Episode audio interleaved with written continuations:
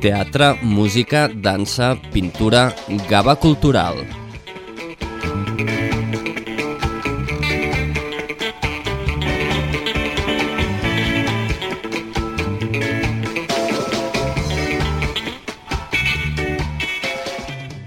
Avui, com és habitual, volem avançar la proposta de teatre familiar que tindrem el proper diumenge de la mà de la xarxa i de l'Ajuntament de Gavà, a l'Espai Maragall. Tornen a la nostra ciutat Zum Zum Teatre i en aquest cas ens porten Soc una nou. Anem a parlar d'aquesta adaptació eh, del conte de Beatriz Ossés que ens porta aquesta companyia i ho fem amb un dels actors de l'obra que és el Jordi Gilabert. Molt bon dia, Jordi. Hola, bon dia. Què tal, com estàs? Doncs molt bé, moltes ganes de venir a, a Gavà i compartir aquesta història amb vosaltres. Uh -huh. Parlem de Soc una nou, que ja, per començar, hem de dir que té mm, premis importants. Premi FETEN, que és un festival de, de teatre familiar important que es fa a Gijón. Sí. Justament esteu part de la companyia allà, no?, aquests dies. Sí, correcte, és aquesta setmana, sí. Exacte. Doncs allà, en aquest FETEN, vau aconseguir el premi, el 2021, i també millor direcció i interpretació coral, així que enhorabona. I, Moltíssimes gràcies. I parlem de, de Soc una nou, que en aquesta ocasió ens porteu aquí. Clar, ja té, ja té ser recorregut no? des del 2021 fins ara. Eh, què és el que ens explica? Què és aquesta història de Soc una nou? Doncs mira, eh, justament Soc una nou és un espectacle que està basat en un llibre, com bé has dit, de Beatriz Procés, que porta el mateix títol, i explica la història d'un immigrant que, que bé, que doncs, degut a una, a una jugada acollida amb una llei, diguéssim, una llei doncs, una mica estranya, però que, degut a això, una advocada permet salvar la vida de, de l'Omar, aquest immigrat doncs, que arriba al país, que no té família ni té recursos per, per subsistir, com és el cas de molts immigrants que arriben al nostre país. I, i degut a en aquesta llei tan estranya, doncs es produeix un judici paral·lel a tota aquesta història que permet conèixer l'altre costat, no? el costat humà de l'Omar, de la persona. I, i, i a part d'això, d'aquesta relació amb, amb l'advocada Marinetti, doncs també el veurem interactuar amb diferents veïns de, de l'advocada, justament, eh, i la llum que els aporta no? en les seves vides grises i, i, i solitàries, doncs, juntament tot això, és el que, el que Soc una nou pretén explicar al públic, no? I, i, i d'una manera molt directa i també divertida, eh? Vull dir, no, no és ni un drama, ni molt menys, però ens agradava posar doncs, damunt de l'escenari una història que fos actual, que fos real i que fos doncs, eh, un reflexe del que som com a societat. Uh -huh. Jo no sé si la canalla està més acostumada, com a mínim en segons quins barris i ambients, a no veure tan diferent no? la persona que ve de fora, perquè al final són els seus companys de classe. No sé si us trobeu amb, amb això, no? que ells veuen més natural tenir companys de diferents procedències i potser som els adults que no, que no ho veiem tan clar.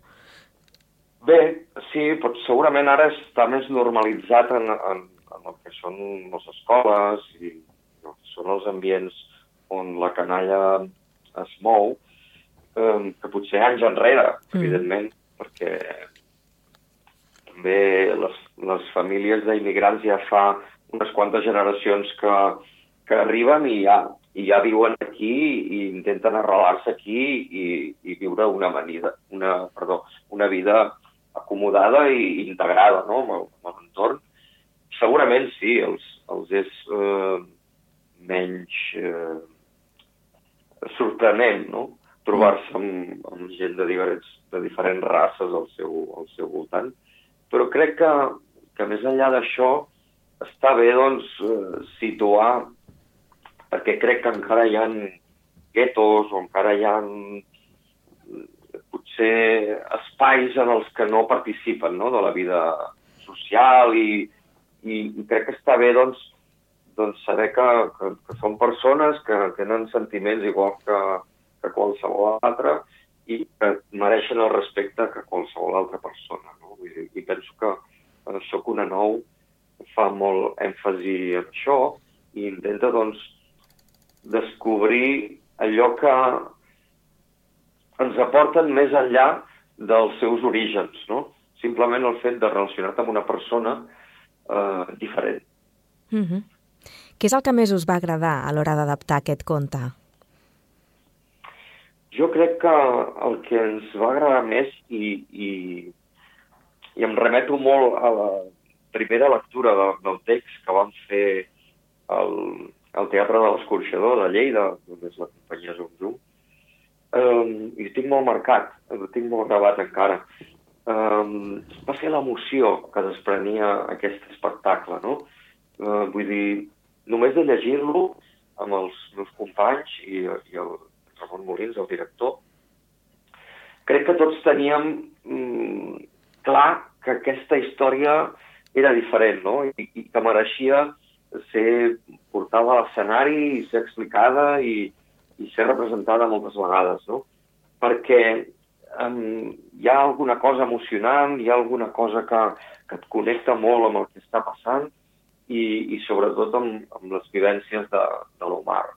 Uh -huh. I, I crec que a mida d'anar fent bolos, que de fet el, el bolo del diumenge serà la representació número 200 d'aquest espectacle. Ostres! I ens fa també sentir molt orgullosos de, de, de tot el camí recorregut no? amb, amb, amb aquest espectacle que, que tampoc no, no sé, no, mm. poses un, un espectacle al damunt d'un escenari quan crees una producció nova no saps mai um, l'abast que tindrà i el recorregut que tindrà i ens fa especialment feliços i orgullosos doncs, arribar a aquesta, a aquesta funció. No? Mm. I, I crec que ja hi havia alguna cosa quan, quan estàvem teixint tota aquesta història i, i bé, doncs el fet doncs, de veure com la rep la gent, els premis, que més enllà de ser premis i reconeixements, doncs, doncs et donen una miqueta de suport en el que,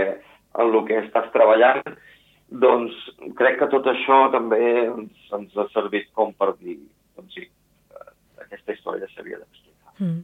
Alguna vegada us ha passat en aquestes 199 representacions que, no sé, alguna família, algú us anés a visitar després de la funció i us digués m'he sentit superidentificat amb això, és, no sé, una, una mica com la, la meva història personal?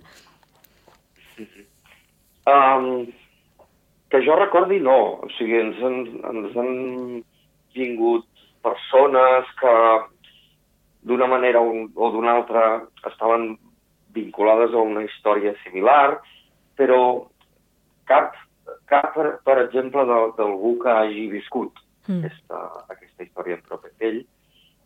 I això crec que, que també encara és una barrera que, que, que hem de superar com a societat. No? Vull dir, la cultura tots creiem que és un bé necessari, que és un bé important i que, i que és per tothom, no? I que, i que dona els mateixos drets a tots els ciutadans eh, de, de, de la nostra societat i crec que encara no és així. Vull dir, hi ha, hi ha un, no sé si petit o gran segment de la societat que encara no veu el teatre com una cosa important, no? Uh -huh. I, i, i, i que potser no té accés tampoc. Eh, sabem que durant les funcions escolars doncs, poden venir molts eh, infants que, que, que potser al cap de setmana no, entre les seves opcions d'oci no, no hi ha el teatre. Però, però, per exemple, que vinguin acompanyats de les seves famílies, crec que encara no passa. No? Mm -hmm. Molts eh, diversos segments de, de la societat i crec que aquest és un repte que nosaltres com a artistes i, i els governs i, i tothom aquell que pugui tenir un, una opció de, de, de posar-ho al davant, doncs crec que és un repte pendent. Mm. I, I això crec que hauríem de treballar. Cultura per a tothom. I em prefereixo a les arts escèniques, però també a la dansa, també fins i tot al, a, a, als museus. Crec que hi ha encara equipaments eh, que no abasten a totes la, les capes de la societat d'aquesta societat tan diversa amb la que vivim i crec que això és, eh, potser a la resta de, de països europeus mm, és, eh, no sé, crec que, que passa, però en el nostre país jo, almenys personalment, és una opinió molt personal, uh Mhm. -huh. tinc la sensació de que encara no és un deute pendent.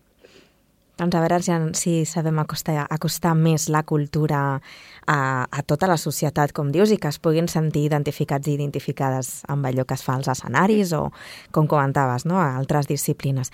Per cert, la música eh, és pròpia, és vostra, i a més tenir un pianista interpretant-la en directe, no? que és el mateix compositor de les peces. Això sempre a mi sempre em sembla un Sí. valor afegit, eh? música en directe. Sí, sí, sí. De fet, t'he de dir que eh, també depèn de les funcions. Hi ha funcions Mhm. -huh. que hem fet en pianista i hi ha altres funcions que, això, que, que, que no, que el pianista, la música és, és gravada. Vull dir que el, el, la funció de, de, de gravar no sé exactament amb, amb, si serà amb pianista o sense, però, però és veritat que nosaltres quan vam crear la proposta vam pensar que la música en directe sempre era un valor afegit i justament l'Antoni Tolmos, que és el compositor de la, de la banda sonora, doncs eh, sempre que hem fet les funcions amb ell, doncs crec que és, una, és una, un valor afegit i, i una cosa que dona molta més plasticitat i molta més mm, molta més importància al treball que, que fem els actors i les actrius a, damunt de l'escenari, perquè crec que la música en viu també porta molt més color, molta més eh, qualitat i, Mm. i aquest acompanyament que genera mm, en música en directe és, crec que pel públic és molt, molt, molt millor. Sí. Per cert, una altra cosa que crida l'atenció quan veiem imatges de Soc una nou és aquest, aquest arbre no? d'on cau aquesta persona, eh, Sí. però que no és un arbre a l'uso, podríem dir. A mi m'ha cridat l'atenció, està, Mhm. fent, està fet com de diferents peces, calaixets, que no sé què és el que vol representar aquest arbre. Bé, jo crec que, que la idea al final és el que representa és el que parla la història, no? Vull dir, tots som indispensables en aquesta societat per fer una societat millor. Um, al final aquest arbre també representa trossos de, de, de fustes diferents, mm -hmm. no? Que acaben construint un arbre en el que els fruits que dona els recollim tots plegats, no? I, i penso que al final pot ser una de les lectures que pot tenir. Sí que és veritat que l'espectacle mm, té aquest arbre com a centre, com a eix, perquè realment la història que explica mm, és molt important, no? I al final eh, tot gira al voltant d'aquest arbre, eh, les cases d'aquests veïns doncs, també estan molt a prop d'aquest arbre i amb pocs elements podem explicar una història tan, tan complexa. No? Al mateix temps, nosaltres al final fem un, un, un resum molt primet, penso, però, però que s'entén perfectament, que explica la història del mar, no? Però, però hi ha moltes capes de lectura que crec que són molt interessants pels adults i, per, i pels infants, no? I, i al final, doncs, aquest arbre eh, crec que vol, vol significar això, no? Doncs que les nostres aportacions com a persones sumades doncs podem construir una societat molt millor i, i crec que, mm. que la història ho reflecteix perfectament. Doncs bonica aquesta història de l'arbre, que no me l'havia imaginat d'aquesta manera. Ara mirarem l'arbre mirarem l'arbre amb uns altres ulls. A banda de l'arbre i dels actors que participeu de l'obra, no sé si també hi ha altres elements, si hi ha alguns, no sé si dir titelles, que també surten per allà. Què més ens trobarem a escena? Bé, sí, bàsicament aquests elements que t'he dit, hi ha les, unes cases que en bon punt doncs, són part d'aquest paisatge del, del veïnat, com alhora les fem representar com a elements que ens permeten doncs, també explicar el judici que en paral·lel es, es, va, es va produint, no? el judici de, de, de la justícia a l'Omar, que és un immigrant que han de decidir doncs, què fan amb ell, si el, si el deporten o es pot quedar aquí. No? Uh -huh.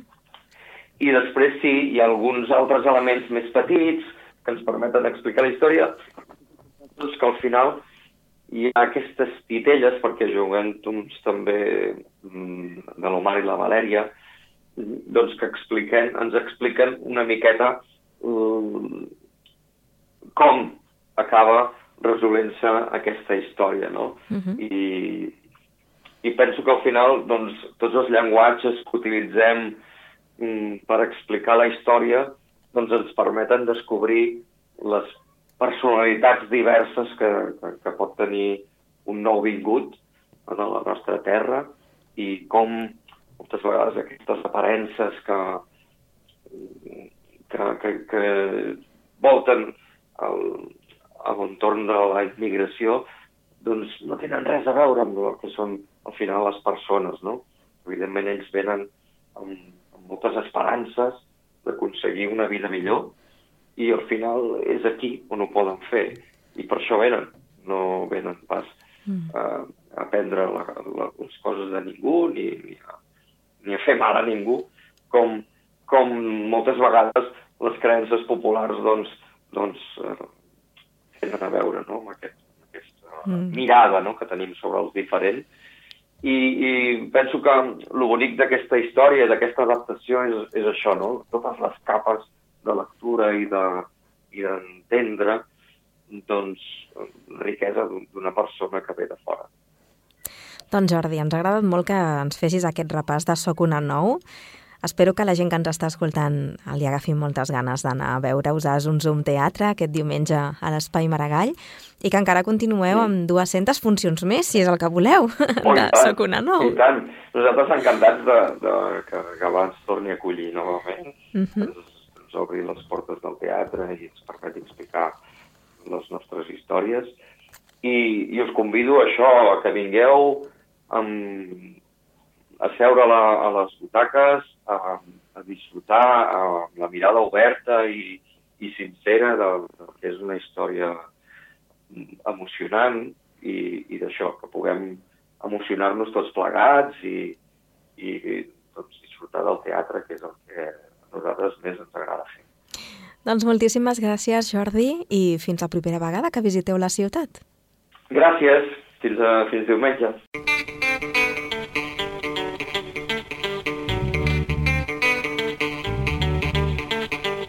Teatre, música, dansa, pintura, gava cultural.